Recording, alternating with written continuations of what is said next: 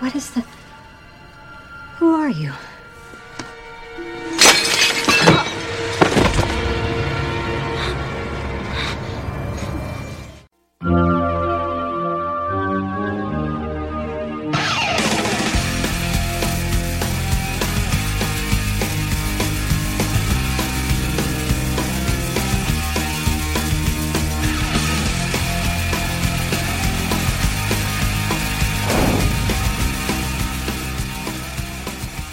Hej och välkomna till Buffy-podden avsnitt 26. 26. I det här avsnittet kommer jag och Henke själva prata om tre avsnitt bara. Mm. Eh, på säsong 5 eh, kommer vi prata om episod 2, 3 och 4. Jag kommer inte ihåg. Real Me, The Replacement och Out of My Mind. Ja. Förra avsnittet så var det ju lite så här specialare. Ja. Hur tyckte du det kändes? ja, det var kul. Jättekul att testa ett lite nytt format, tyckte jag. Mm. Håller du med? Jo, det var ju pissroligt faktiskt att köra. Så det var ju bra. Alltså, det, det, dels var det roligt för att det var annorlunda, men sen var det ganska kul också att sitta där Mm. i stunden. Mm. Eh, det var svårt att veta exakt hur det skulle kännas eftersom det fanns en tidspress hela tiden. På något sätt. Ja. Eh, och vi var lite osäkra på hur mycket ska vi berätta om handlingen på skärmen och inte. Ja, Och det blev lite olika.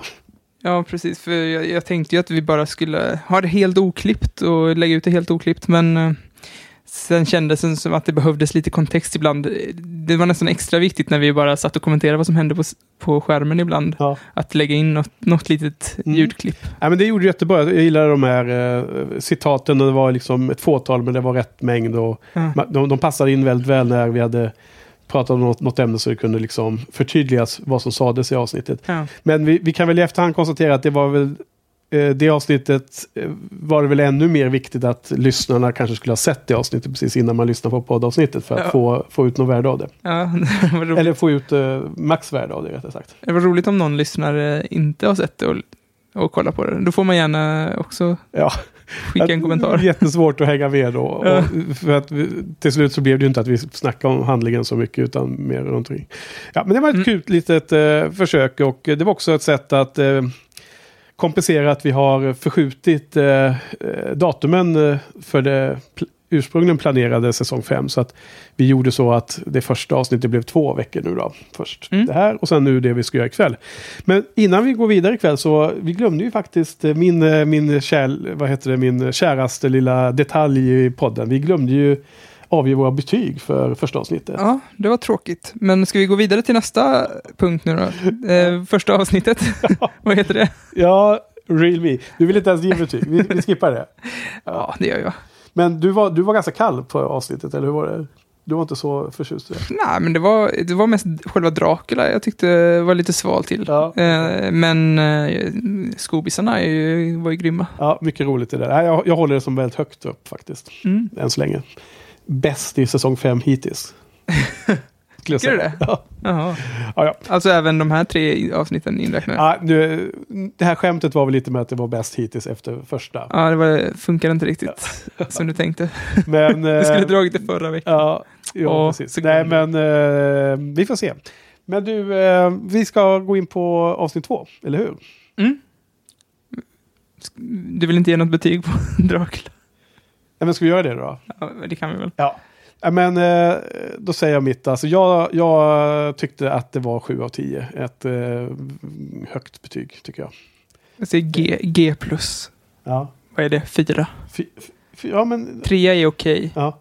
Det var mer än okej. ja, fyran är ju det här helt okej, liksom. Det är är ganska bra medelbetyg. Ja. Det var där det passade. Det är väl godkänt då kanske? Ja. Men det eh, låter lågt tycker jag, mina öron. Men det, det är bra. Du håller, du håller listan motionerad och eh, är liksom... In, låter det inte gå inflation i betygen också. Så kan man se det. Eller så är det att jag är kass på att ge betyg bara. Ja. Så kan det också vara. Ja, så kan det också vara. Men eh, gott så då. Men eh, ska vi gå vidare och prata om eh, kvällens första avsnitt? Ja! Well, that's great. Oh, yeah, I'm actually can really... take Dawn shopping for her back to school supplies. What? Mama, I, I thought you were taking me. Well, honey, I've got the Gurian showing tonight. And there's so much to do to get the gallery ready. No, but see, Mom, that doesn't really work for me. We're just going to the magic shop. No school supplies there. Yeah, Mom, I'm not going to Hogwarts. huh. Genius, crack a book sometime. Ja, Real me. då har vi kommit till avsnitt eh, två, säsong fem. The Real, eller Real Me heter det bara. Så vad handlar det här om egentligen då? Lite kort intro. Alltså jag har la märke till en lustig detalj när det gäller de här tre avsnitten vi ska se ikväll. Att alla tre avsnitten har en tydlig huvudperson. Avsnitten, ibland kan det vara väldigt många i Scoobies-gänget som har lika mycket speltid. Men jag tyckte att alla dessa tre avsnitten här har en eh, fokus på eh, varsin person. Och det här är ju Dawns avsnitt. Just det. I don't think Buffy's watcher likes me too much. I think it's because he's just so old. I'm not sure how old he is, but I heard him use the word newfangled one time. So he's got to be pretty far gone. Det, hon, hon, eh, hon skriver ju sin dagbok hela tiden Mm. och man får höra hennes eh, voice-over är när hon eh, skriver dagboken, vad hon, Mm. vad hon tänker och så. Hon, har, hon känner sig lite så här störd över att stora syster Buffy är så eh, badass med att vara The Slayer och hon liksom får ingen uppmärksamhet och hon känner sig utanför. Och, och hon är liksom frustrerad runt det och sen å andra sidan är ju Buffy frustrerad över att hon är i vägen och stör Buffy när hon har sin pojkvän över Riley och hon eh, Sen blir hon ju till och med eh, olyckligtvis springer hon ut ur hus där, huset mitt i avsnittet och blir eh, kidnappad av Harmony och hennes gang. Så där är ju själva grundhandlingen i det här avsnittet. Den, den tension. Så här är det lite lustigt. Eh, Det första man måste kommentera det är ju att eh, Joss har bara kastat in en ny karaktär mitt i allting. Hon dök upp då i sista scenen i, först, i förra avsnittet. Och sen försade jag mig lite för jag hade ju råkat se de första minuterna på nästa avsnitt. Nämligen när man får se den här morgonen då när de är nere och äter frukost. Och, eh, Dawn stjäl Buffys mjölk till eh, flingorna och sådana saker. Och det är övrigt, för övrigt till den lilla scenen som det är en lustig ehm, Harry, Potter-referens. När mamman vill att Buffy ska hjälpa lilla syster att åka och köpa böcker till skolan. Så säger Buffy att hon måste till eh, The Magic Shop. Och eh, då, då skriver, säger ju Dawn någonting om att det inte är Hogwarts som ska gå till. Liksom. Hon, behöver inga magiböcker. Det, det, du såg det skämtet eller? Ja, ja, ja, precis. Jag tänkte på, mest på det eftersom du hade försagt, eller Ja. kommenterat det skämtet. Ja. Men, men eh, hur, eh, vad, vad, vad, vad, vad tycker du? Eller du hade ju lite spekulationer om vad det kunde, du hade fått massor med idéer i huvudet om Ja. vad Dawn kunde vara för något. Och jag, förra veckan så var jag lite ovillig att uh, engagea i den Ja, diskussionen. är för, för, jag kände att jag kunde inte riktigt säga något utan att riskera försäga mig. Så, Ja, det känns fortfarande som att det, vi sitter i samma situation lite grann. ja, så så att- du, och jag du, tänkte- du jag får tänkte- prata och jag får jag vara tyst om den här Ja, frågan. precis. För när jag såg det här avsnittet så tänkte jag väldigt mycket på, så här, nu ska jag anteckna vad jag tänker om det här, för att det är ju så här, nu har vi sett tre avsnitt med Dawn ändå, och det, ens liksom, tankar hinner ju springa iväg, Ja. och eh, man får nya och nya, fler och fler teorier. Och när jag började se det här avsnittet, så då tänkte jag nog, eller i slutet av förra, eh, i slutet av Dracula-avsnittet, så tänkte jag nog att hon var den nya Big Bad, som bara kunde jag pratade ju lite om Poopy Butthole Ja. eh, och eh, att jag precis hade sett det och då kanske tänk, tänkte att det var en sån person som hade bara alternerat, alltså Nästlat sig in. Ja, inte att de hade, att hon spred någon basil som satt sig i hjärnan på Buffy och dem, men att hon på något sätt har förställt Mm. hela situationen där. Och eh, eh, i det här avsnittet så tänkte jag nog att hon kanske inte är Big Bad, men det är ju det är fortfarande någonting åt det hållet eftersom I know you. Kurds and Way. I know what you are. You don't belong here. när de hittar en eh, clerk död i The Magic Box, den magishoppen som Ja. ligger i Sunnydale. Och hon sätter sig, hon får sitta utanför och vänta eftersom de, eh, hon är lite för ung för att liksom, Ja, ja. eh, vara med när det är en massa döingar omkring. Då stöter hon ju på någon slags eh, A-lagare som skriker att hon, hon passar inte in här eller hon, Ja. någonting i den stilen. Och hon blir så här helt ledsen. Så att jag tänker mig att typ hon kanske har blivit av med sina föräldrar eller något sånt där och vill skapa en ny familj genom att liksom, Ja. med hjälp av magi nästla sig in i någon annans familj. Ja. Eller, så det här, är också, det här kanske du får klippa bort, men eh, min flickvän post skickade en länk till mig. Bara, Kolla de här roliga fakta om Buffy. Och sen Ja. så började jag läsa och så var det bara spoil, spoil, spoil. Nej. Sen, bara, fan, det här är så- jävla ledsen. Men då var det bland annat spoil på, vänta lite nu. På ett, okej. Ja. jag ska inte säga berätta Nej, vad det är för spoil, nej, men nej. det var spoil på avsnittet The Body. Aha. Och eh, jag tänker också Säsong, att, som kommer under säsong fem. ja, Mm. och eh, jag tänker att det här avsnittet, eller alla de här avsnitten, för Dawn är ju med, det är väldigt mycket eh, liksom hos Buffy, den familjen, liksom, mycket, mycket man bara liksom hälsar på lite där. Ja. Och det känns som att det pe- peggar upp för The Body lite grann, Ja. på något sätt. Men eh, du är så bra på att skumma sån information och kunna välja att läsa, titta bort då när det är spoilers. Men du, Ja. du misslyckas den här gången. Ja, men vad fan. Hon, hon, jag tycker man borde kunna lita på Ja. Linnea. Vad fan, Ja. hon, hon vet ju. Men att jag- jag håller med. Det var olyckligt så. Men grejen är också att jag, jag såg det, jag, hon skickade länge på morgonen och jag kollade på kvällen och så sa jag det. Varför skickade du det här till mig? Jag såg att det var det för sent. Det var ju inte för sent. Nej, Eller jag fattar inte. Ja. Ja. det var bara Ja. ett mess. Ja, Det är ju olyckligtvis, för det finns ju vissa saker som man helt klart eh, helst inte vill spoila på. Ja, så jag är numera singel i alla fall. Nej. Okej. Ja, ja det, det är så. Eh, nej men eh, det är jättekul att höra. Här är det ju ett ypperligt tillfälle att få tappa dig på din upplevelse av Ja. hur du, upp, hur du upplever den här jag är som första avsnitten. Grymt nyfiken på, Ja. på hela den storylinen i Ja. alla fall.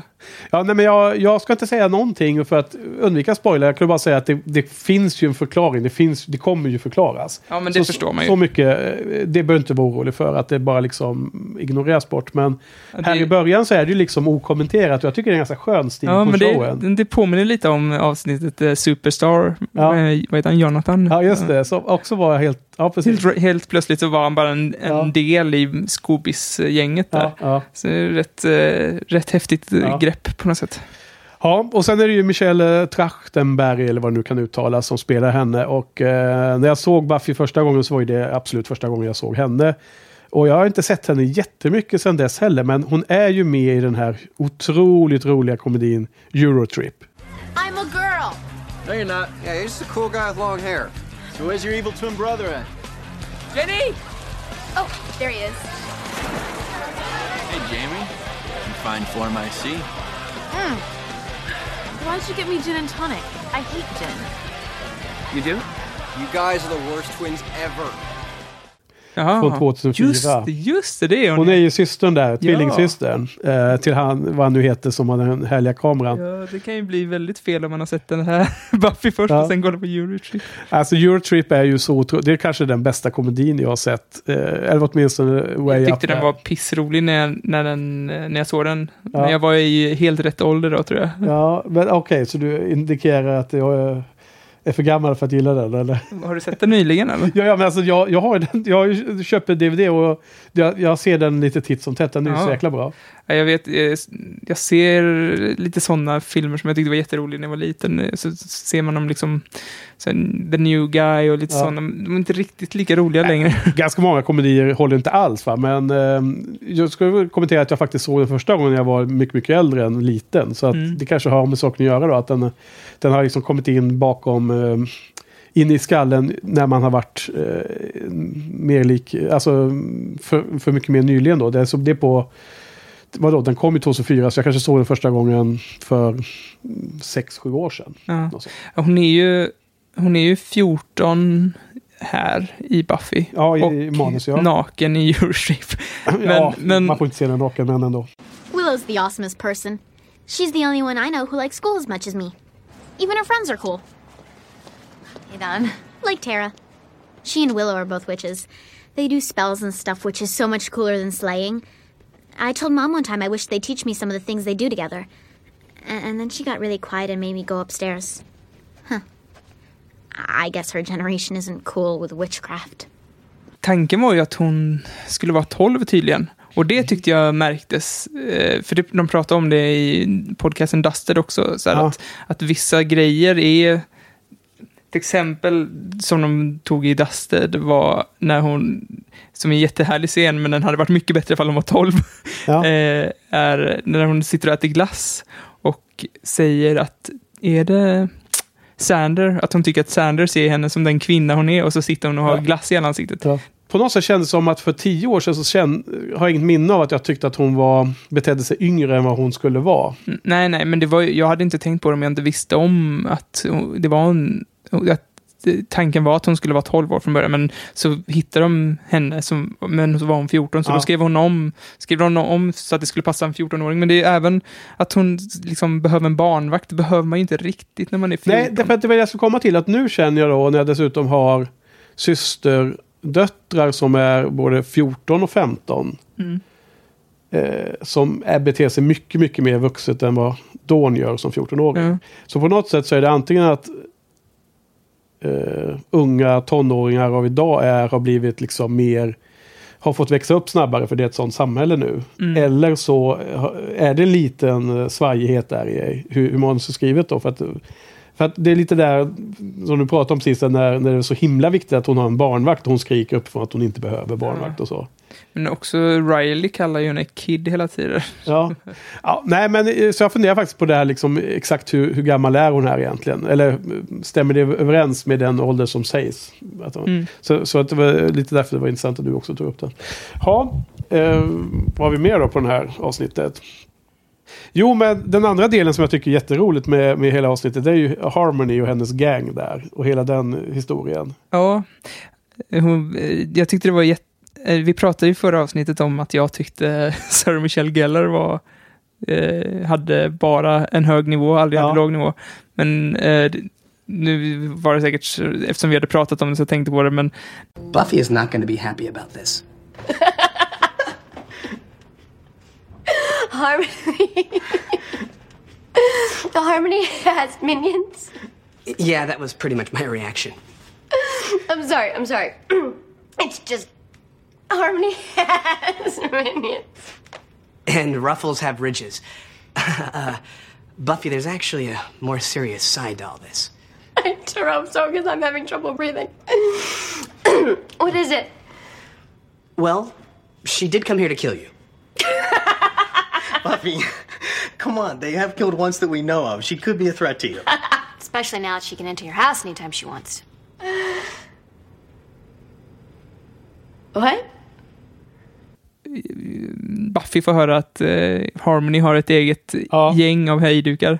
Så f- eh, har hon ett väldigt cringeigt skratt där. Ja, men du, titta i mina notes här då.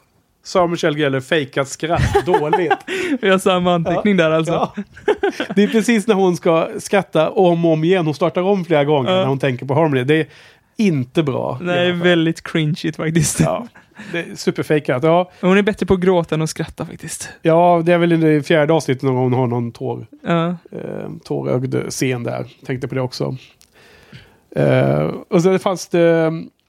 Ja, men jag, jo, men... Eh, alltså Harmonys, eh, vad heter inte naivitet, med hennes eh, vanföreställning om sin egen person är ju bara helt underbar. Alltså, hon, hon, hon, hon kallar sig själv för Arch Nemesis eller något sånt där va, till, till Buffy. Mhm. Är det inte det här avsnittet? Hon återkommer ju senare varje fjärde, tror jag det är. Hon är med. Ja.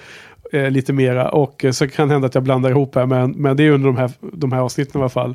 Och jag tycker hon är otroligt rolig. Men jag börjar förstå nu, din, när, vi satte igång den här podden så hade ju du en ganska stor kär, förkärlek till många karaktärer som jag inte fattade. Ja.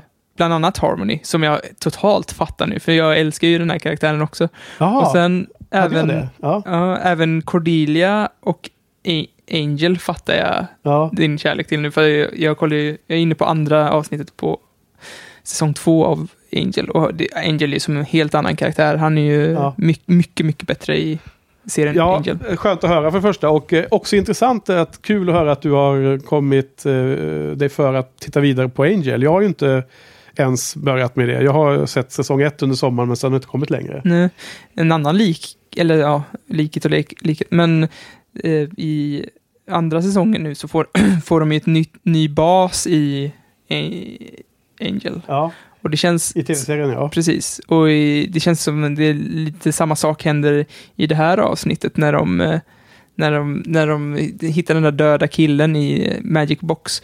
Så verkar det ju liksom som att de, det här kommer bli det nya hö- högkvarteret eftersom Ja, precis. Och, Giles verkar väldigt förtjust i det där stället. Och man kan få låg hyra eftersom alla dör ju. Det, ja, Förra ägaren dog ju också där. ja, och då, då säger ju Buffy ett ganska lustigt eh, Spinal Tap skämt där. Den här eh, fake-dokumentären om Ja. ett eh, brittiskt 80-tals hårdrocksband som du vet. Mm. Spinal Tap, har sett den? Eller? Ja, den är så. Ja, och det är, ju- det är, deras trummis dör hela tiden. Så hon gör ju en, eh, ett skämt om det. Att The life expectancy of a spinal tap drummer. Mm, det. Det, det representerar kort. Eh, Ja. Men, men alltså det är ju ingen spoil nu att, att det kommer sen i avsnitt fyra här. Vi, vi ska ändå prata om det ikväll. Men, men vi får ju se under de här, eh, de här avsnitten just att de, han, han hyr ju eh, Magic Box också. Mm. Så, och eh, de bygger ju på där och installerar någon traininghall och sådana saker. Mm. Så det, det kommer senare, men det är ju ändå, vi ska ändå prata om de här avsnitten idag. Så att jag nämner Ja. det nu då när det var aktuellt. Men jag, jag gillar att de bygger någon slags bas. Ja, ja. mm, det känns nice. Ja, jag, jag håller helt med och det var en intressant spaning faktiskt. För att eh, äntligen Angel om man säger så. När jag tänkte tillbaks tio år senare på Angel. Då har jag bara tänkt att de var i det här underbara hotellet hela tiden. Mm. Och sen bara ser man hela, avsnitt, eh, hela säsong ett. Och de, bara, de har något konstigt skiffe. Som då senare sprängs i sista avsnittet. Och eh, jag bara känner inte igen mig liksom. När är de kommit till hotellet? Men det är bra. Det är början på säsong två. Mm. Härligt. Jag ska kolla vidare på det också. När det blir dags. Gött. Ja, men eh, har du några mer kommentarer om det här avsnittet? Nej, jag börjar känna mig klar med det. Mm. Jag tyckte att det var helt klart, alltså det är kul att få följa Dawn lite mer som en ny karaktär. Det är såklart eh, tillfredsställande. Eh, annars hade det varit ännu konstigare att hon bara var där och sen så att man inte fick se henne liksom ordentligt. Ja, det kändes som att hon kom in i familjen på en gång. Alltså det kändes som en naturlig... Det kändes ju verkligen som att hon alltid hade varit där. det kändes inte alls konstigt. Och nu, just det, nu kom jag på en sak som jag... När jag lyssnade på förra veckans avsnitt som du klippte Johan, så jag lyssnade Ja. på resultatet. Och då hör jag mig själv ifrågasätta den här kommentaren som Buffy säger i sista scenen. När hon ser henne i sitt rum. Ja. som jag då misstolkar, inser när jag lyssnar på vårt egen podd.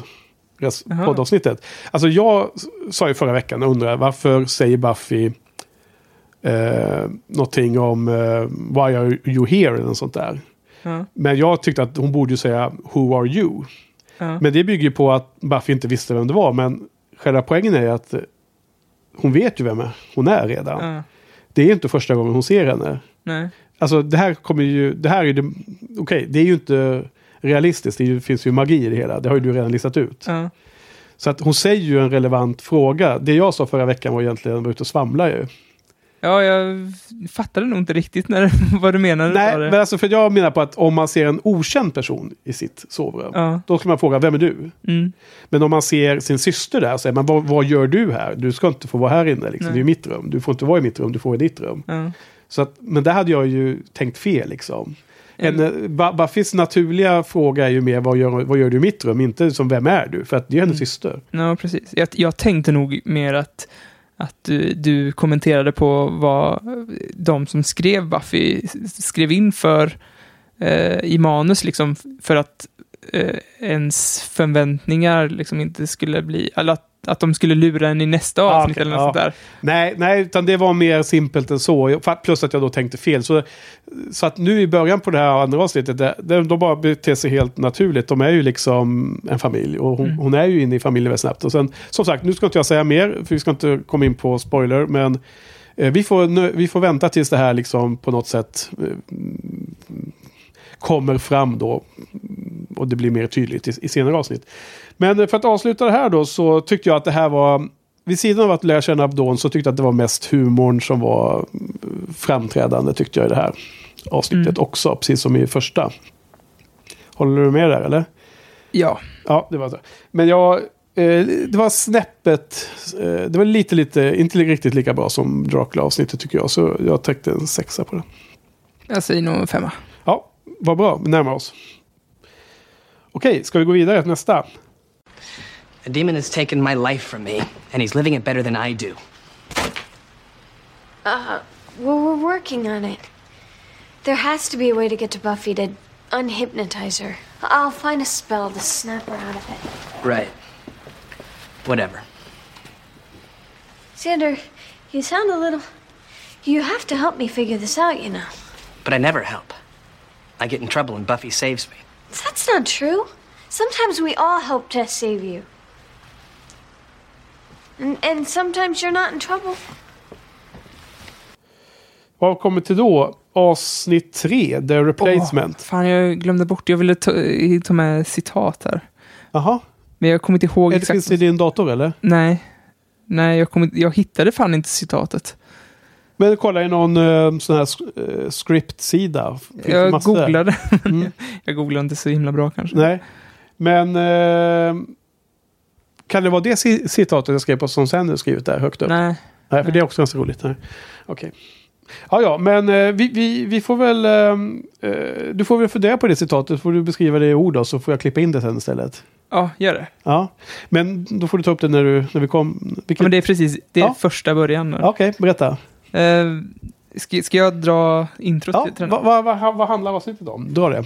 Det här är då avsnittet The Replacement som är väldigt Sander-centrerat då. Mm, precis. Och eh, det känns som när det drar igång att det påminner väldigt mycket om eh, The Seppo. Mm. Men den, den, är inte lika Sanders-centrerad som... Alltså det man får se, in, inte ur Sanders synpunkt, utan det är bara centrerat kring Sanders. Vilket kanske var skönt att inte få en upprepning av det avsnittet. Ja. Men eh, här i alla fall får man... Det öppnar ju upp med världens skönaste demon. Alltså, och det, är, det är så himla himla Buffy som det bara kan bli när Ja. han står och skriker där och, och har en kittel och Ja. står och vevar i och skriker någonting om Now you have my, alltså hans kommentar där är så himla klockren och den hoppas jag du Är det det citatet du var Ja, det är det citat jag fiskade efter. Jag försökte hitta det, jag googlade. men han, det- han säger ju något badassigt och sen ska han stoppa ner handen i kokande och så Ja. bränner han sig. det är så här väldigt metal på något sätt. Ja, ja. Jag tänker mig att han är en sån här metal kill. Fast det lustiga är att han gör ju någon form av, eh, kokar ihop någon brygg där och en ingrediens är ju sin Hans egen smärta. Ja, det är så jävla metal alltså. Oh, yeah, she's all like, What's that? A cauldron? Who uses a cauldron anymore? The last step in my forging is my pain. The price with which I purchase the death of the slayer.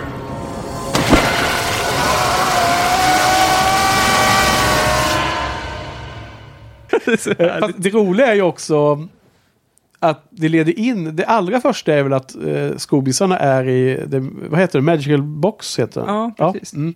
Och sen så säger någon någonting och Willows svar är att ja det där är ju lika dumt som att säga att Witches alltid har sån här, eh, vad heter det? det är? Ja, vad heter det på engelska nu då? Då tappar jag ordet. Eh, som de alltid har i Harry Potter också. Ja, men kitteln då liksom. Mm. Och då klipper de till att, att det är en sån då. givetvis. Ja. Som de gör de här övergångarna från dialog till nästa scen som du hittar med någon bra eh, vi, video, just det. video Precis. om sådana, hu- hur man klippte. En video-essay med han eh, Edgar Wright. Ja. Han är ju expert på det. Ja, men, eh, ja, men okej. Det har vi nog redan lyssnat på in, i intro Ja. till det här avsnittet. Men eh, så vad händer då? Vad, är, vad handlar avsnittet om? Vad är själva Ja, den essensen? här eh, sista ingrediensen, smärtan, den eh, gjorde ju att han kan eh, få någon slags, eh, det ser ut som sån här nödraket typ, som man Aha. kan skjuta iväg eh, på folk. Och Ja. den eh, får ju folk att liksom splittra personlighet. Jag läste någonstans, nu kanske jag dålig summering av avsnittet, men jag skit... Äh, jag- hon som, vem är det? Jane Espenson? Ja. Som har skrivit där. Ja. Hon har ju även varit med och skrivit på eh, lite på ah, Spock, Star Trek. Ja. Och i, det finns tydligen... Battlestar Galactica trodde jag. Ja, det, det kanske är möjligt. Och i jag, Firefly för övrigt. Ja. Det kanske, jag kanske blandar ihop det. Men hon märks ju att hon är en Star Trek-fan i alla fall. Ja. För att det är väldigt mycket Star Trek-referenser i det här avsnittet. Och eh, det här med att Sp- Spock, det finns ett avsnitt i Star Trek där Spock blir splittrad till en god och en ond Ja. människa. Här har de split, splittrat Sander så att han blir en bra version och en kass. Hans, hans bästa sidor är en version av honom Ja. och hans sämsta sidor är en annan version. av Ja, honom. men precis.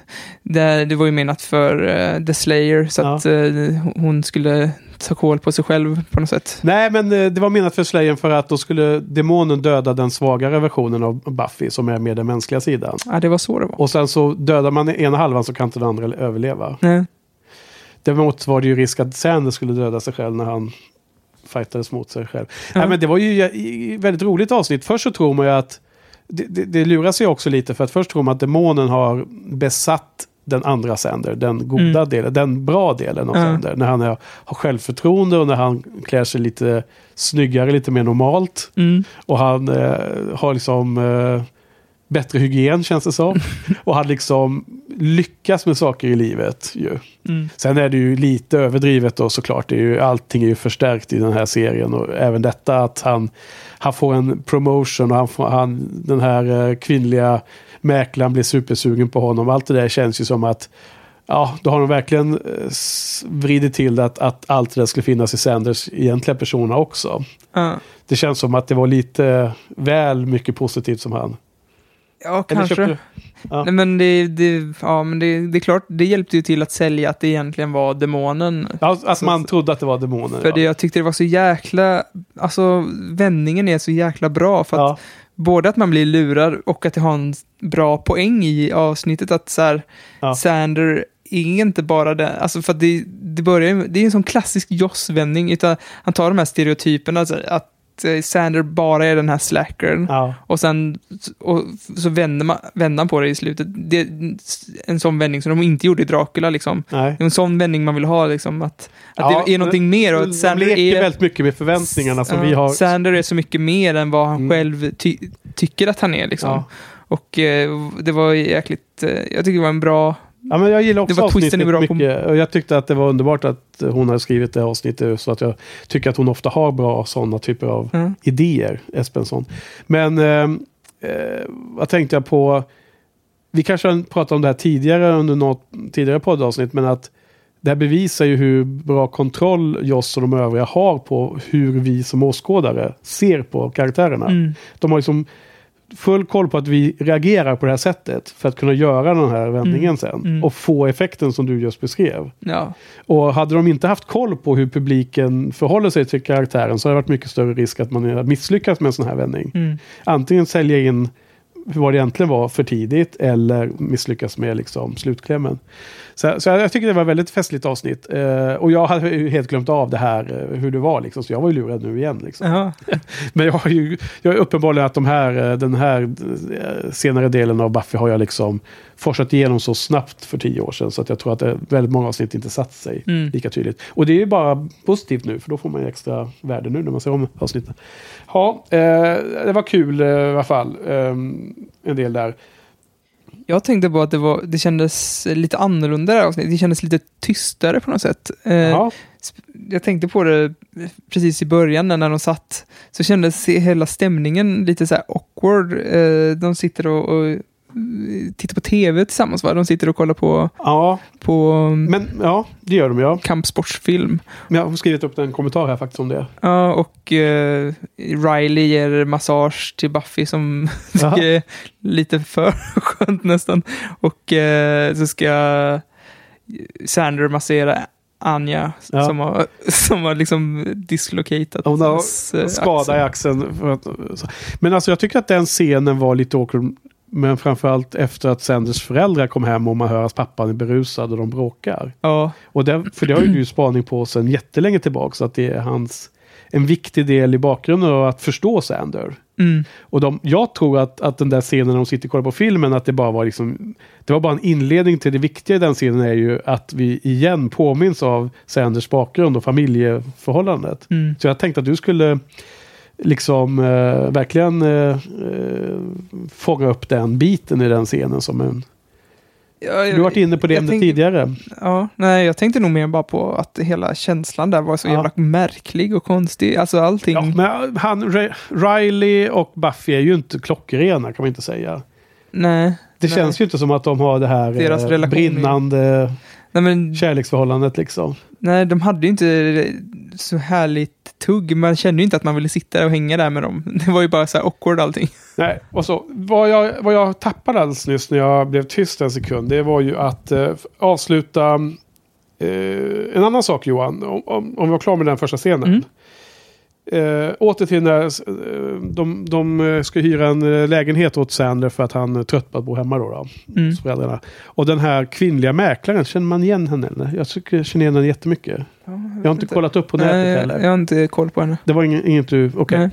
Då, får, då får vi länka till... Då får vi skriva om det i show notes. För, för jag tror jag har sett henne i någon, någon film eller något liknande. Men eh, i övrigt då så eh, tycker jag det är väldigt roligt hur... Eh, efter man har fått veta vad det är som har hänt, att båda är Sander, fast de är två olika sidor av honom. Mm. Jäkligt sköna scener mot slutet där när liksom de här två Sanders är så himla synkade i sin humor och vad de tycker. Visst var det hans eh, Harrys brorsa som spelar andra Sander? Du har ingen aning. Det, du brukar läsa sådana information. med Ja, jag, jag är ganska säker på det. Att, det, att de är bröder som spelar. För det, jag, tänkte, jag tänkte på det i någon scen, så här, hur har de gjort det här? För det var ju inte som att de, de hade ju kunnat så här, hångla med varandra i princip. Eftersom de var två riktiga personer. Eh, menar du hur man hade gjort med, med eh, eh, trickfilmningen och sånt? Ja, eller ja. eller i postproduktion? Alltså, jag vet inte, alltså. Det fanns väl teknik vid den tiden att kunna göra dubbletter på film? Ja, absolut. Men eftersom de inte behövde det, om de, om de var bröder, liksom, Men, då hade de kunnat eh, gå all in. Har de eh, lagt på Sanders ansikte då på brorsan eller? Eller är de så lika menar du? Jag tror att om det är en brorsa så skulle jag nog så här, försöka sminka dem liksom, så att de är Aha, okej. nej, så det- lika som Jag möjligt. tänkte inte på det så mycket. Däremot så var det ju himla rolig kommentar som Anja, Anja hade. Att hon, innan de eh, slog ihop Sander till en person igen, ville hon ha natt med dem först. Det tyckte jag var lite vågat skämt. Well, maybe we shouldn't do this reintegration thing right away. See, um, I can take the boys home, and you know we can all have sex together, and then um, you know just slap them back together in the morning. She's joking. No, she's not. She entirely wants to have sex with us together, which is wrong and and it would be very confusing. Uh, we just uh, need to arrange the candles. Also, we should continue to pretend we heard none of the disturbing sex talk. Check. Candles and pretense. It's not like it'd be cheating. They're both Sander. Ja, nej, jag tyckte det var rätt roligt att det var bara... ja, alltså att, att, det, att det in, inte ens var en tillstymmelse av att försöka Dölja. dölja. Nej, de andra reagerar ju. Mr. Giles tyckte ju att det var ju liksom inget eh, kul och sagt. Men hon, var ju, hon är ju så frejdig. Det har ju varit hela tiden. Mm. Om eh, sina gester och sina uttalanden och sina aktioner runt Sander. Ja, det, det var festligt i alla fall. Jo, det är ju detta, det var det jag skulle kolla här i mina notes. Det är ju mycket riktigt så att i det här avsnittet så tycker jag det händer en signifikant eh, helt plötsligt i all komedi. För det här är ju, liksom, sån, det här är ju ett lite stand-alone avsnitt tycker jag. För man gör en utvikning om Sanders som råkar bli två, två, två ex av sig. Mm. Eh, det är liksom, det, man kommer ju ingen vidare i den riktningen. Det, där går man ju vidare liksom bara. Så, så känns det som ett stand-alone. Men däremot så var det ju en, en, en helt plötsligt i all den här kom, humorn så var det liksom en jätteallvarlig scen där när Sander och Riley i slutet har Ja, en, en, jag har skrivit upp samma här tror jag. ett, ett litet snack och I'm well aware of how lucky I am. Like, lottery lucky. Buffy's like nobody else in the world. When I'm with her, it's like it's like I'm split in two. Half me is just on fire, going crazy if I'm not touching her. The other half is so still and peaceful, just perfectly content. Just knows this is the one. But she doesn't love me.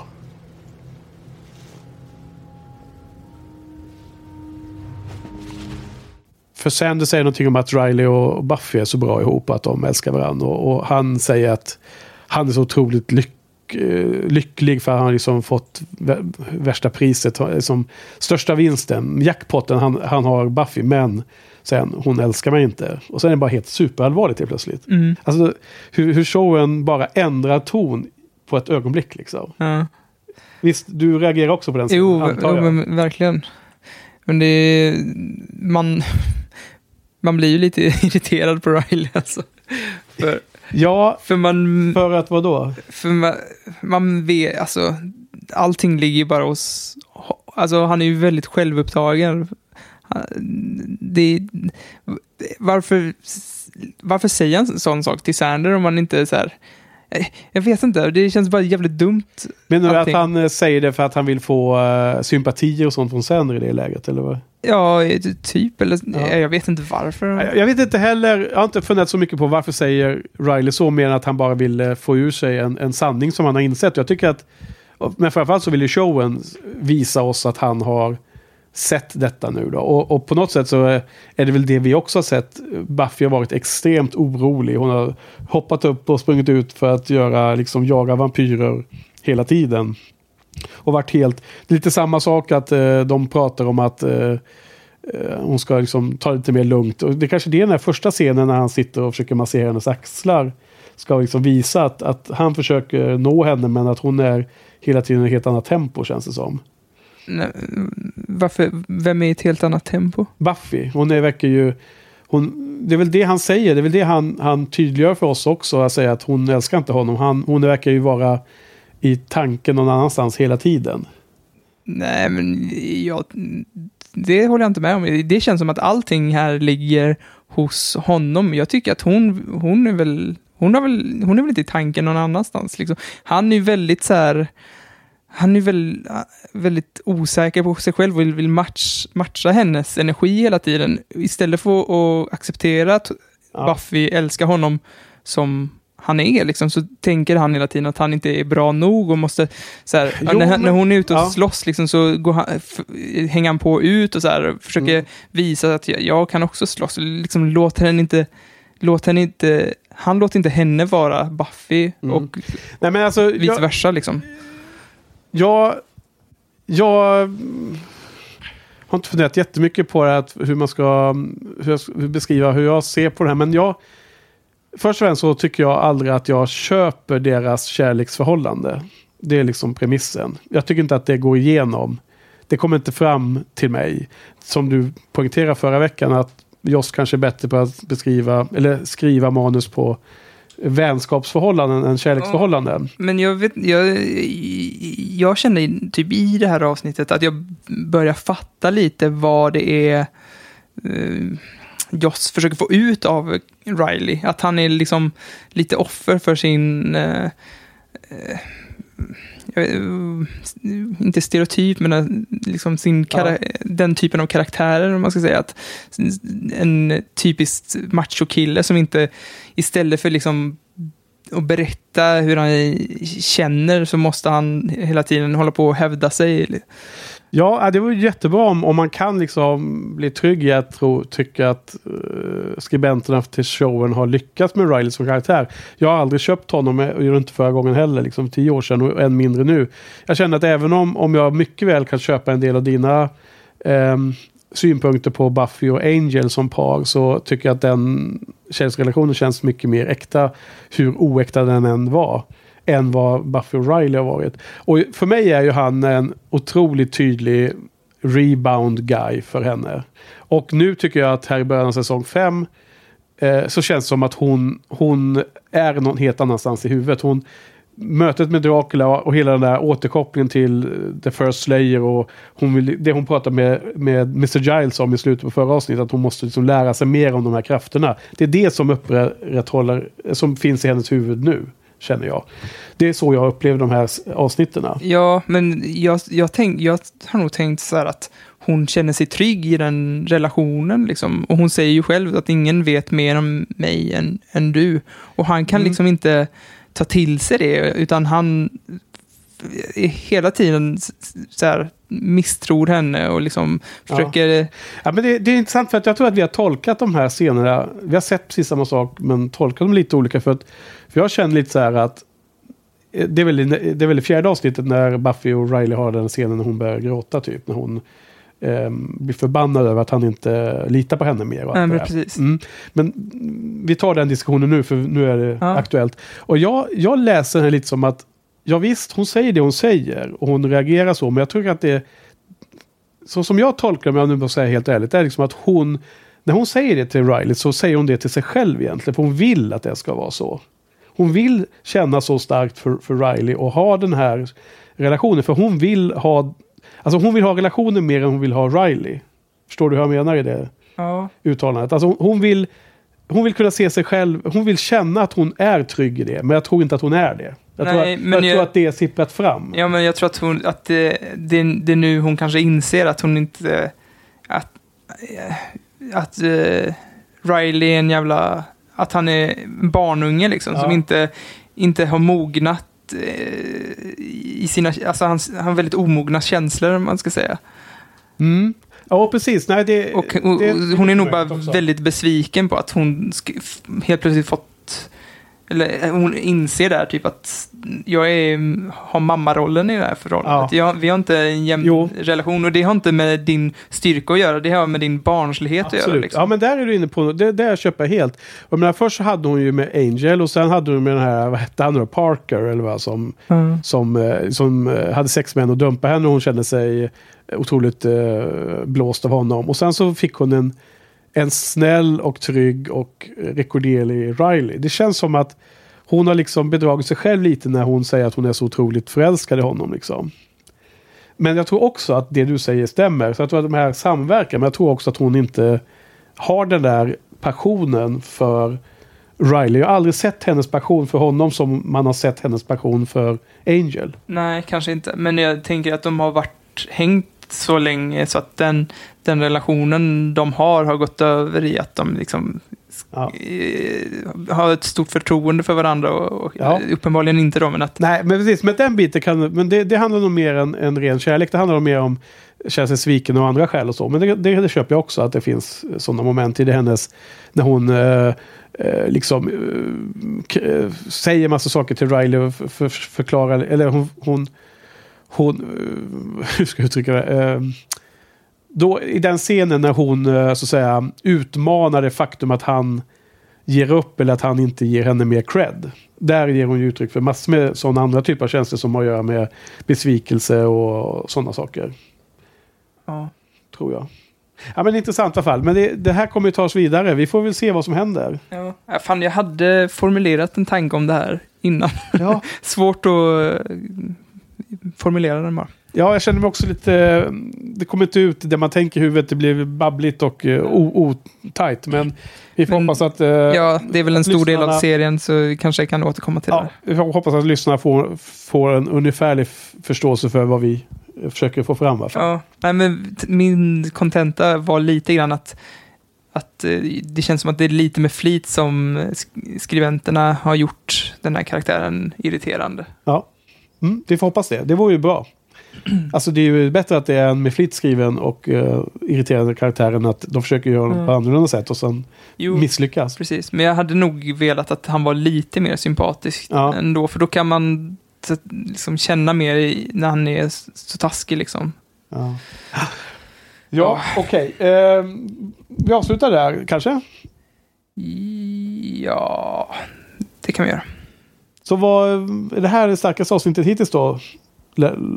Låter som. Ja, men det är det nog. Ja. Jag säger en sjua. Ja, nej, men jag säger också att jag, det var också sjua. Jag, jag kanske inte tänkte så mycket på de här sista scenerna. Det vi diskuterar nu de senaste fem minuterna eller tio, det, det, det har jag bara fått tänka ut här just nu när vi sitter här. Jag, och jag hade tänkt ut en tanke, men jag, den bara försvann i, vad i huvudet på mig. Fasen vad synd. Ja, Ja, jag hoppas att den att det inte blir så. Den ska poppa upp och finnas där när vi poddar. Ja. Men jag tyckte att stora delar av avsnittet är ju det här sänderfokus. Och jag tyckte att den var väldigt rolig. Och jag gillade den, den effekten som den hade. Och även att man blir lurad. Så jag tyckte att det var en sjua också. Mm. Så ungefär lika på samma nivå som Dracula. Det första avsnittet för mig. Så då går vi vidare. Och då har vi ett avsnitt kvar att sna- att snacka om ikväll Johan. Mm. Vad bra, vi sitter här i fåtöljerna. Cause the collapse, a dizzy spell, low blood sugar, that sort of thing. But it's nothing bad. I mean, it's not serious, right? Very unlikely. So your mom doesn't have a history of pain? No, I mean, not that I, I know of. She's usually really healthy. Well, I think we'll be running tests for a few more hours, and then they'll probably want her to come back as a follow-up test in a couple of weeks, but it really doesn't look like anything too serious. Thank God.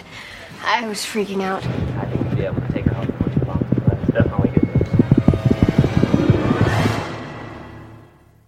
Kom in på avsnitt fyra av säsong fem. Eh, Out of my mind. Och det här skulle jag vilja säga är eh, fokus på Riley. Som om sista scenen i förra avsnittet så här, ledde in till det här. Liksom. Det blev som en stafettpinne. Mm. Nu ska vi handla om Riley. Mm. Eller hur? Eller håller du med? Jo, men så är det väl. Ja, för det är det här avsnittet som... ehm, dels är det... Ja, men Riley... Ja, men det, det här avsnittet, vad, vad är det som händer? För, först som händer att Joyce ja, men blir sjuk. Och da, Dawn tar henne till sjukhuset. Ja, men det är också en lustig scen därför att Dawn, vad säger Joyce eh, och Dawn är i köket på frukost.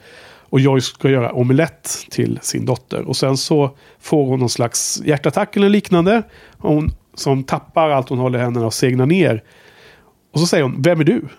Mm. Det är en lite absurd scen, kommer du ihåg den? Ja. Ja. Men sen så har hon ju svimmat av, så till sjukhuset.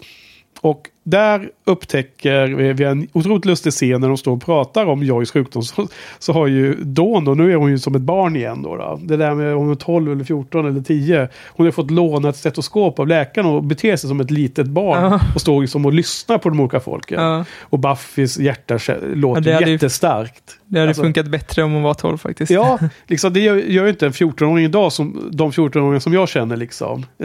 eh, systerdöttrarna de skulle inte bete sig på det sättet man säger så. De är Mm. mycket mer vuxnare. Men i alla fall, och så lyssnar de på läkaren och sen på Buffy och det dunkar som en jäkla eh, lejonhjärta. Och sen eh, Riley då som är helt speedat liksom, går 150 eller vad de säger. Kaninhjärta. Ja, så att då visste det sig att han är ju helt sjuk. Då måste de eh, få tag på The Initiative och sen ska han få tag på läkaren. Där är också en pissirriterande Riley-scen när han vägrar följa, när han vägrar stanna kvar. Ja. Inte ens för liksom Buffys skull, för att Buffy Nej. är orolig. Inte, inte, inte ens Ja. därför. Han måste Jätteirriterande. hävda sig. Jag Liksom. helt med där. Där jag är helt fan, enig. där är också så här macho-grejer bara. Jag är så här, be, du kan väl bete dig åtminstone. Ja, och visst, jag känner precis samma irritation. Men i det läget så är det ju inte för att han är macho. I det läget är det för att han är rädd. För vad han är sjuk Ja, av. jo men exakt. Men det är ju, ja, precis. Ja, så att det, det var ju en mänsklig reaktion skulle jag vilja säga. Ja, en macho-reaktion. Han försöker, han försöker liksom dölja sina Jo, känslor det, jo, genom att... absolut. Eh, när du säger macho så, jag tolkar lite annorlunda. Det finns ju det finns personer som jag till, känner, till och med känner i livet som inte är macho, men som inte ens går till läkaren för de vill inte veta svaret. Ja. Alltså rent generellt sett. De vill inte ens göra en hälsoundersökning. Skulle man liksom bli uppmanad att gå och ta ett blodprov för att kolla någonting så bara, nej, det gör inte jag. Och de, folk som inte är macho, så jag menar, det finns två olika Jo, men reaktioner. så, och så finns det de som, eh, som bara blir liksom eh, får ett argt ansiktsuttryck, går ner i en grotta och ställer sig och, och punchar in i en Ja. grottvägg liksom. Så hela liksom berg, urberget håller på att vittra sönder. Ja. Hans punching, ja. Eh, exakt, men sen, så det handlar ju om eh, Riley mest. Men det lustiga, är den här bihandlingen är ju att den där eh, läkaren blir ju tagen av Spike och Harmony och Spike vill ju få ut sitt, eh, eh, sin device som sitter inne i hjärnbarken. Opererat Out of his mind. Va? Ja, out of, ja, precis. Out of his mind. Titeln på avsnittet. Och, eh, så det är ju den här sidostoryn som också spelar in här i det här. Då. Mm. Så vad, vad säger vi om det här avsnittet då? You like? You like much? Ja, men alltså, jag undrar lite vad, eh, alltså, Spike har ju väldigt mycket, han får mycket screen time liksom, Ja. men han, det har inte kommit någon riktig storyline med honom än. Han, han fick ju aldrig ut chippet, så han är ju inte en big bad i avsnittet heller. Men så jag antar att liksom, man hela tiden ska påminnas om att han finns där. För han är ju så, han är ju, det är ju roligt. Allt Ja. med honom är roligt. När han och Harmony sitter i sitta på Redbox. Ja. alltså, jag såg precis om eh, Finding Dory och där Ja. var det en väldigt liknande scen när han säger i, i sitt clownfish. Ja. När Dory håller på och säger It's orange, it's small. ja. Men alltså, har du sett Finding Dory idag? Nej, eh, Nemo. Finding Nemo menar jag. Ja. Men du skulle gå och se Finding Dory, eller? Ja, jag såg eh, Nemo istället för jag ville se den innan. Ja, absolut. Men förstå, men du ska se Dory på, Ja. eh, på bion. Yes. Men vad tyckte när du såg om Nemo då? Vad gillar du den? Jag måste bara fråga nu. Ja, mm, eh, ja, s- eh, asbra. Jag gillar den jättemycket. Jag tyckte den var mycket bättre än vad jag kom ihåg också. Och jag tänkte på annorlunda scener. Jag, när jag kommer tänka tänker tillbaka på den, för jag såg den tillsammans med en kompis. Jag tror jag bara sett den kanske en eller max två gånger. Ja. Eh, så brukar vi alltid härma de här eh, krabborna liksom, och fiskmåsarna Ja, såklart. mine, mine. Det, ja, det är det man kommer ihåg. Men Ja.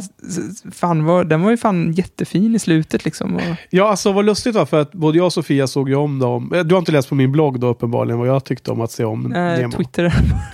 Twitter är tillräckligt långa texter. Nej, men det stod på Twitter i alla fall. Eh, så att Nemo, jag tyckte den var så otroligt mycket sämre än jag kommer ihåg den. Jaha. Och samma för Sofia. Så att jag Mm. blir ju lite överraskad att, du, att den har växt för dig. Men det är ju bara positivt. Kul. Ja, men i så fall så är det ju såklart badass att se Dory om du gillar Nemo så mycket fortfarande. Ja, alltså, jag tyckte den var jättefin där i slutet när Dory, eh, liksom, när han, vad hette pappan, Clown, pappa Clownfisk, eh, fick henne och liksom, eh, hennes... Mar, Marlin eller Marvin. Mar- Marvin, ja, precis. Ja. Att eh, han fick henne att eh, må, må bättre liksom. Och sådär. Jag tyckte det var rätt Ja. fint. Okej, ja, jag såg ju Finding Dory nere på Malmö filmdagar så jag har ju sett den också och skrivit om den på bloggen. Mm. Så att eh, vi får vänta med att säga vad det är, jag ska inte spoila någonting. Men åter till det här. Eh, hur kom vi in på det? Jo, men det var en rolig scen där, där med Harmony Spike. starting bl- Redbox? Ja, precis. De körde 21 frågor, eller vad heter det?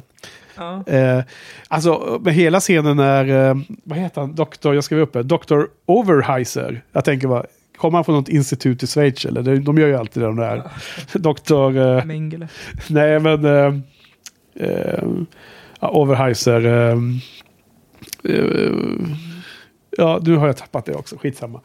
Jo, men när de håller på att operera på, på, hans, på Spikes huvud där då och eh, Harmony sitter bredvid och röker och blåser röken rakt in i, i såret och så här. Hon, hon är helt underbar i varenda scen hon är med i här nu, de här, de här två avsnitten. Och här, i det här var det nästan hon som allra bäst tyckte jag. Mm. Eh, och, och samspelet med Spike.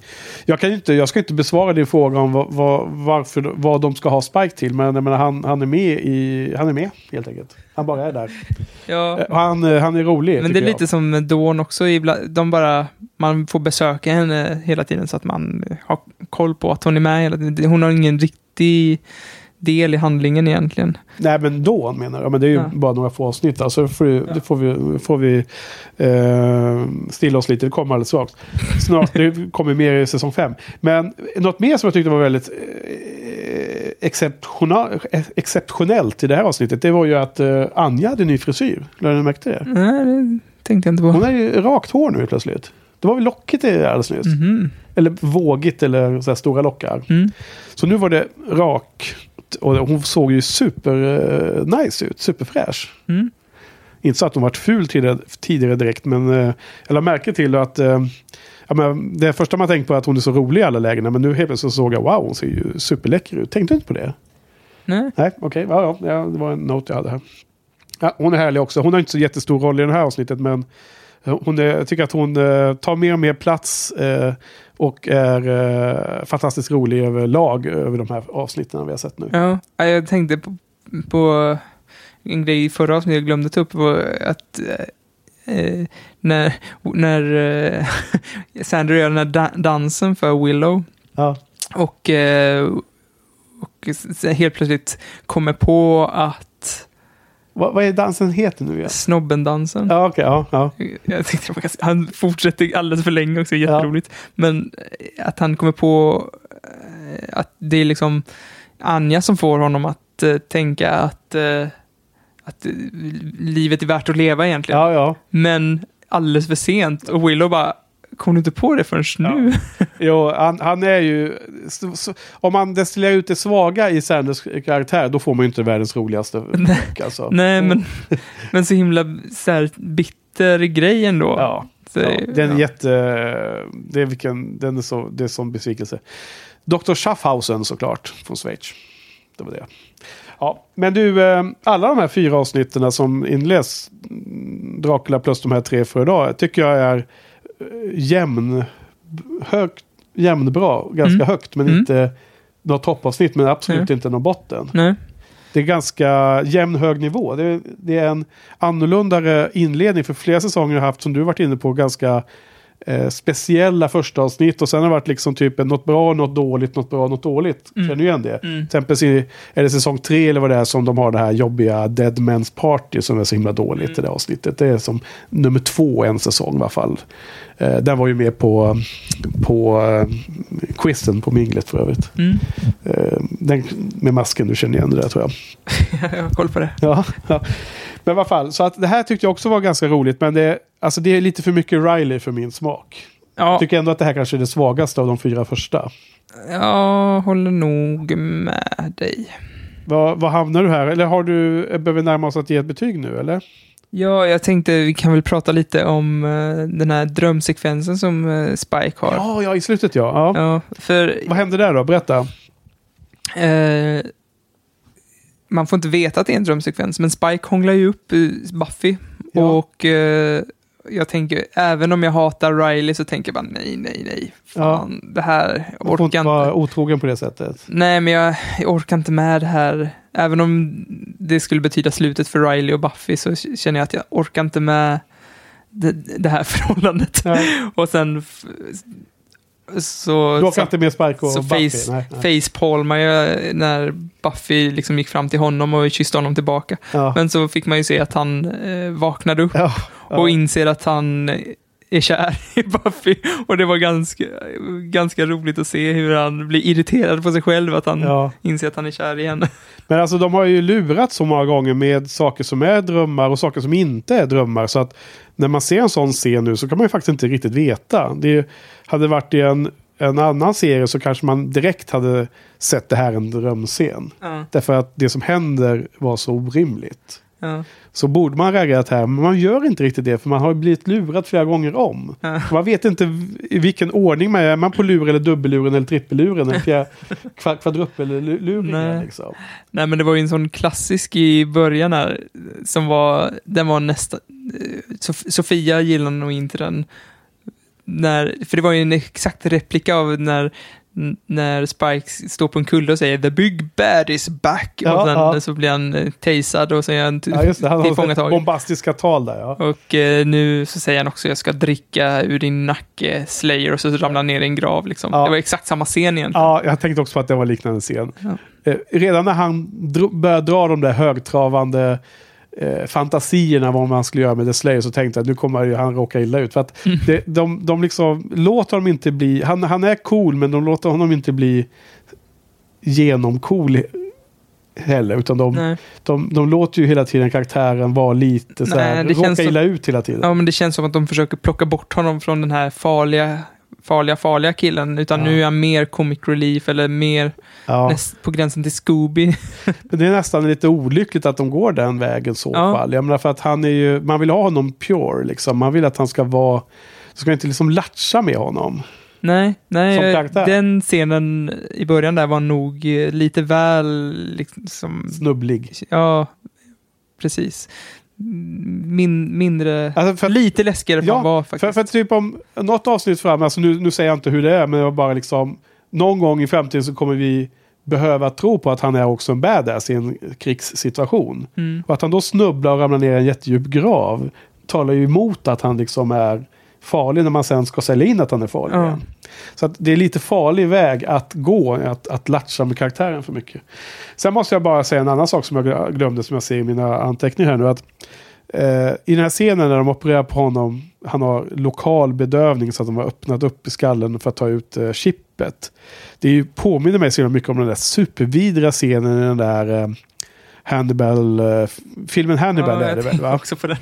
Ja men Hannibal the Cannibal, någon av de där uppföljarna till Lammen tystnar. Red Dragon eller? Ja men det är det här att han har liksom tagit något, något offer där som Ja. har blivit bedövad och så... Får han äta sin egna hjärna? Ja, den scenen är så jävla äcklig ju.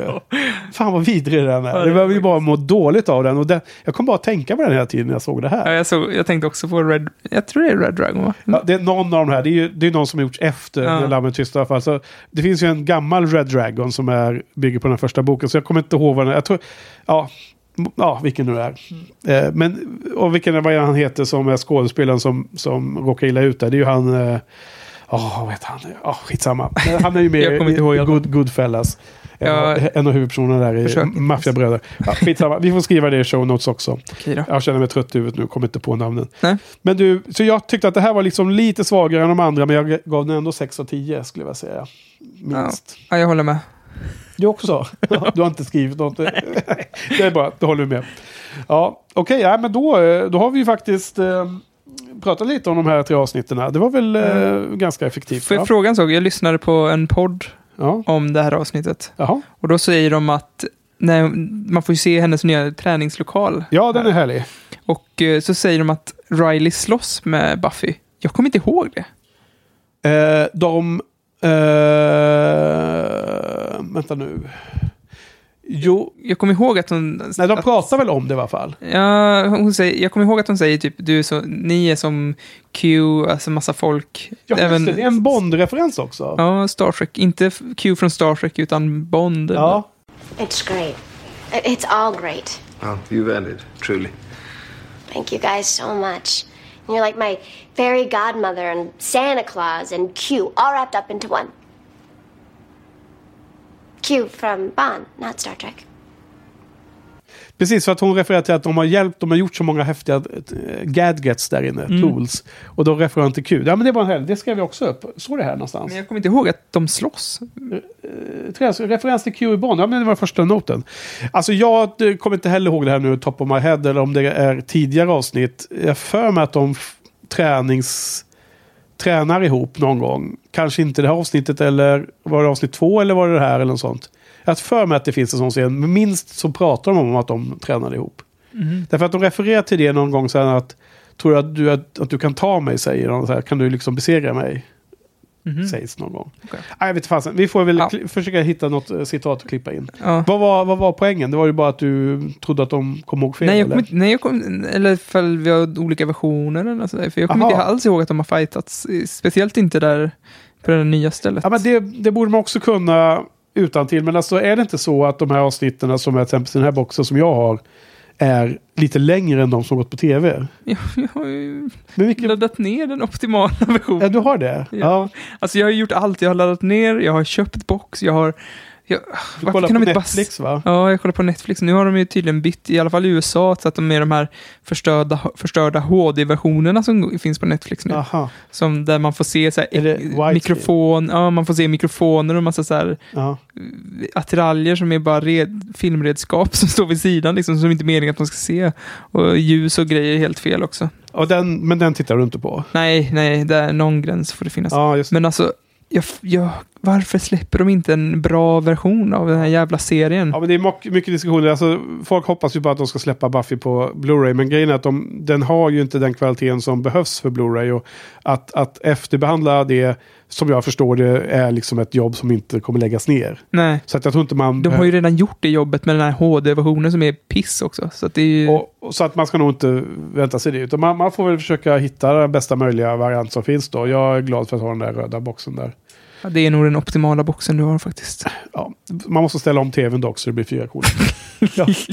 Men du, eh, nästa vecka så ska vi försöka mäkta med fyra avsnitt igen. Och det är nummer fem till åtta.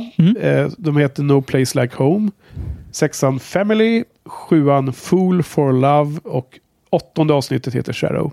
Ja. Och om vi är riktigt tur så har vi eh, säsongens första gäst med oss då. Så är planen. Säg ingenting mer. Men då kan det bli en lite längre sittning igen. Får vi hoppas på. Eller hur? Och eh, sen får vi se. Sen så är det du och jag igen. Vi har Mm. inte riktigt samma tempo på gästerna inplanerat för säsong 5 som det var där under säsong 4. Nej, Så att det är... ehm, så vi inte bränner ut oss. så vi inte bränner ut oss helt men också att vi får uh, tillbaks till basics lite. Och, eh, men det kommer gäster under säsongen och det kommer gäster även i de kommande säsongerna efter det. Mm. Bara att vi har spritt ut dem lite nu då, känns det som. Cool. Okej, så eh, något avslutande? Tack? Henke. Det är bra, okej. Tack Johan. Tack Joss. Tack för för oss. She still thinks I'm Little Miss Nobody. Just her dumb little sister. Boy.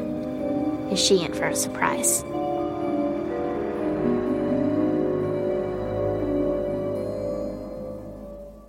Woe to you, O earth and sea, for the devil sends the beast with wrath, because he knows the time is short. Let him who hath understanding reckon the number of the beast, for it is a human number. Its number is 666. I left alone. My mind was blank. I needed time to think to get the memories from my mind. What did I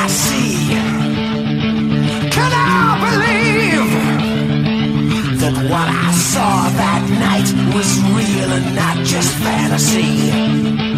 Just what I saw in my old dreams were the reflections of my Walkman staring back at me.